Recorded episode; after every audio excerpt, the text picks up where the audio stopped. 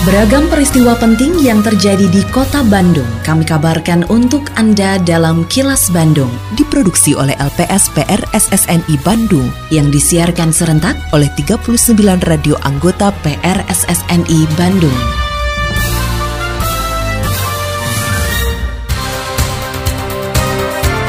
Sejumlah informasi aktual kami hadirkan untuk Anda dan inilah informasi utamanya. Malam pergantian tahun di Kota Bandung berlangsung aman dan kondusif. Pemerintah Kota Bandung akan kembali membuat kolam retensi di tahun ini.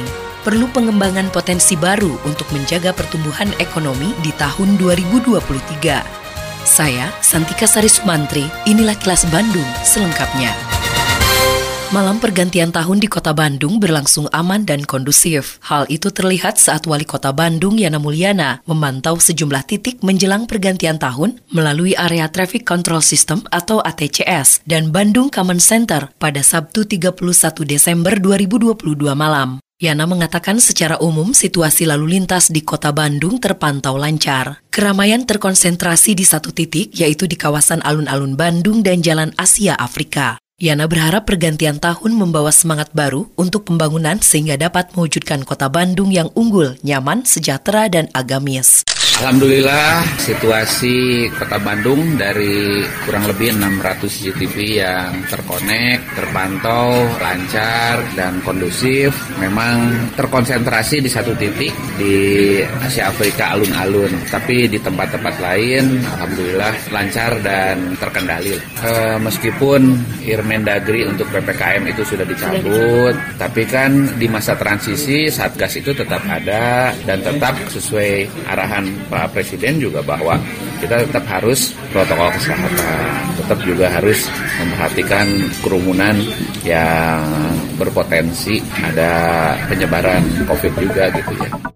Pemerintah Kota Bandung bakal kembali membangun sejumlah kolam retensi pada tahun 2023 ini sebagai upaya meminimalkan genangan air dan banjir di sejumlah titik. Wali Kota Bandung Yana Mulyana mengatakan ada 2 sampai 3 kolam retensi yang akan dibuat di tahun 2023. Menurutnya pembangunan kolam retensi berfungsi mengatasi banjir karena meski curah hujan tinggi, genangan lebih cepat surutnya. Yana mencontohkan salah satu kawasan yang surutnya cepat saat terjadi genangan adalah di depan Mall BTC Jalan Pasteur. Selain itu Yana mengimbau kepada masyarakat agar membuang sampah pada tempatnya, terlebih sampah besar yang bisa menyebabkan terjadinya banjir. Saat ini yang sudah terbangun sekitar 9 ya kolam retensi. Mudah-mudahan di 2023 ada dua atau tiga lagi lah kolam retensi. Jadi mudah-mudahan ini salah satu ikhtiar pemerintah Kota Bandung mengatasi banjir. Jadi kalaupun ternyata curah hujan tinggi, surutnya cepat lah gitu ya. Di Pasteur pernah terjadi yang di BTC biasanya maaf ya berhari-hari. Selama ini pernah kemarin itu hanya hitungan jam ya, 2-3 jam alhamdulillah sudah surut. Kalau dihitung secara itunya kan tergantung intensitas juga hujan kadang-kadang ya gitu ya. Tapi kan yang pasti kita terkoneksi ya drainase, kolam retensi, eh, sumur imbuhan, rumah pompa, termasuk warga juga saya titip sih jangan buang sampah sembarangan lah. Portal Sukajadi menjadi wadah integrasi kegiatan pemerintah dan masyarakat di Kecamatan Sukajadi, Kota Bandung. Sekretaris Kecamatan Sukajadi, Jajang Afifudin mengatakan berbagai urusan pemerintahan di tingkat kewilayahan mulai dari kecamatan hingga RW terintegrasi dalam portal Sukajadi yang memiliki 14 fitur. Menurutnya keberadaan portal tersebut merupakan hasil inovasi dari Kecamatan Sukajadi sendiri dan dikembangkan oleh warga Sukajadi. Selain memudahkan pengelolaan organisasi pemerintah, adanya portal Sukajadi juga memudahkan pelayanan masyarakat, terutama dalam pengurusan surat-surat yang dibutuhkan seperti administrasi kependudukan. Jadi untuk pelayanan, kemudian untuk kebutuhan organisasi kita sendiri itu sudah tidak usah langsung bolak-balik ke kecamatan, jadi cukup mengisi di dalam portal Sukajadi. Di situ semua aplikasinya sudah ada. Kebetulan di dalam portal Sukajadi itu ada 14 fitur ya. Semuanya ada untuk pelayanan masyarakat, kemudian untuk pengarsipan, kemudian untuk jadwal agenda kegiatan, kemudian untuk pelaporan keuangan, untuk perencanaan pembangunan langsung kepada warga masyarakat jadi RW yang menginputnya sebelum musrenbang itu RW juga sudah bisa menginput aplikasi ER Warga. Sejumlah inovasi yang dikembangkan oleh pemerintah Kota Bandung diadopsi oleh berbagai pemerintah daerah lain di Indonesia, antara lain Kabupaten Karawang, Kabupaten Blitar, dan Kabupaten Maros. Inovasi tersebut meliputi akselerasi yang telah dilakukan pemerintah Kota Bandung di bidang pendidikan, teknologi, dan manajemen pemerintahan. Wali Kota Bandung Yana Mulyana menyambut positif diadopsinya inovasi dari pemerintah Kota Bandung oleh pemerintah daerah lain. Ia menyebut pencapaian dan inovasi tersebut merupakan berkah dan sisi lain dari pandemi COVID-19. Pasalnya selama masa pandemi COVID-19, seluruh OPD di Kota Bandung masif membuat dan mengembangkan layanan publik berbasis aplikasi untuk memudahkan akses bagi masyarakat. Yana mengatakan kerjasama antar wilayah merupakan suatu keniscayaan di era pasca pandemi COVID-19 sebagai upaya memberikan pelayanan terbaik bagi masyarakat. Dilakukan kesepakatan kerjasama yang insya Allah saling menguntungkan antar pemerintah daerah ini mengenai manajemen tata kelola pemerintahan. Blitar itu akan mencoba ATM ya, amati tiru modifikasi aplikasi di Dinas Pendidikan Nah, kemudian nanti juga mungkin Karawang atau Maros juga. Termasuk kami dari pemerintah Kota Bandung juga akan melakukan hal yang sama. Kita akan lihat ada program apa yang bisa jadi unggulan di Karawang, Blitar dan Maros yang tentunya kami juga bisa uh, lakukan ATM tadi, amati, tiru dan modifikasi.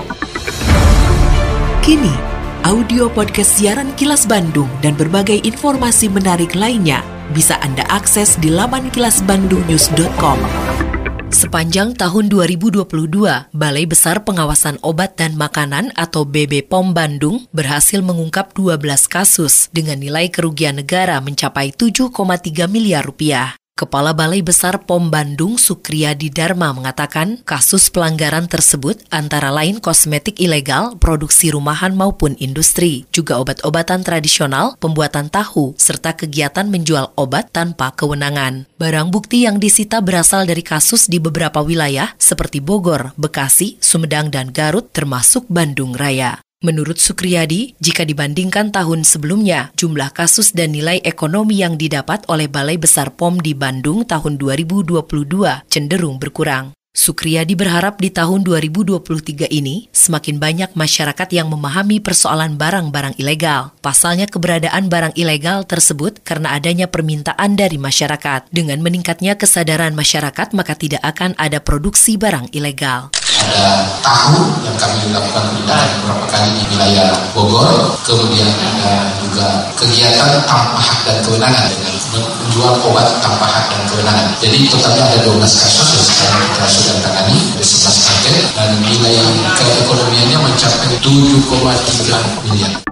Bank Indonesia mendorong agar pertumbuhan perekonomian Jawa Barat pada tahun 2023 dapat terus tumbuh positif, meski dibayang-bayangi kekhawatiran terjadinya reses ekonomi. Pelaksana tugas Kepala Kantor Perwakilan Bank Indonesia Jawa Barat Bambang Pramono mengatakan, untuk mendukung pertumbuhan tersebut perlu berbagai langkah dan upaya, antara lain dengan mengembangkan potensi yang ada di Jawa Barat, yaitu energi terbarukan. Selain itu perlu juga memperhatikan berbagai kepentingan dan kebutuhan para calon investor yang akan menanamkan modalnya di Jawa Barat. Kalau kami Indonesia masih oke, okay, masih bisa tumbuh, tapi tentunya kita harus melihat sumber-sumber pertumbuhan ekonomi baru di samping yang sudah ada. Yang sudah ada ini harus benar dimonitor dan dikawal. Contoh kayak misalnya kita melaksanakan US Java Investment Summit. Itu kan jangan sampai proyek investasi yang ada kemudian investornya mundur, yang sudah jalan terus. Untuk jalan terus kita harus perhatikan apa mereka. Itu contoh. Belum lagi potensi yang baru yang memang proyek-proyek masa depan, masalah renewable energy yang ini potensi banget untuk kita masuk masuk. Kalau itu bisa kita tanda kutip jaga dan kawal, memastikan investor mau masuk di sini aman, mestinya kita bisa lebih tinggi dari yang tadi itu. Kan kita jelas saya menyampaikan kan apa aja menjadi asumsi di balik proyeksi pertumbuhan kamu kita. Tetap patuhi protokol kesehatan di masa adaptasi kebiasaan baru untuk memutus penyebaran COVID-19. Selalu memakai masker, mencuci tangan, menjaga jarak dan menghindari kerumunan, serta mengurangi mobilitas agar terhindar dari terpapar virus corona. Terima kasih Anda telah menyimak kilas Bandung yang diproduksi oleh LPSPR SSNI Bandung.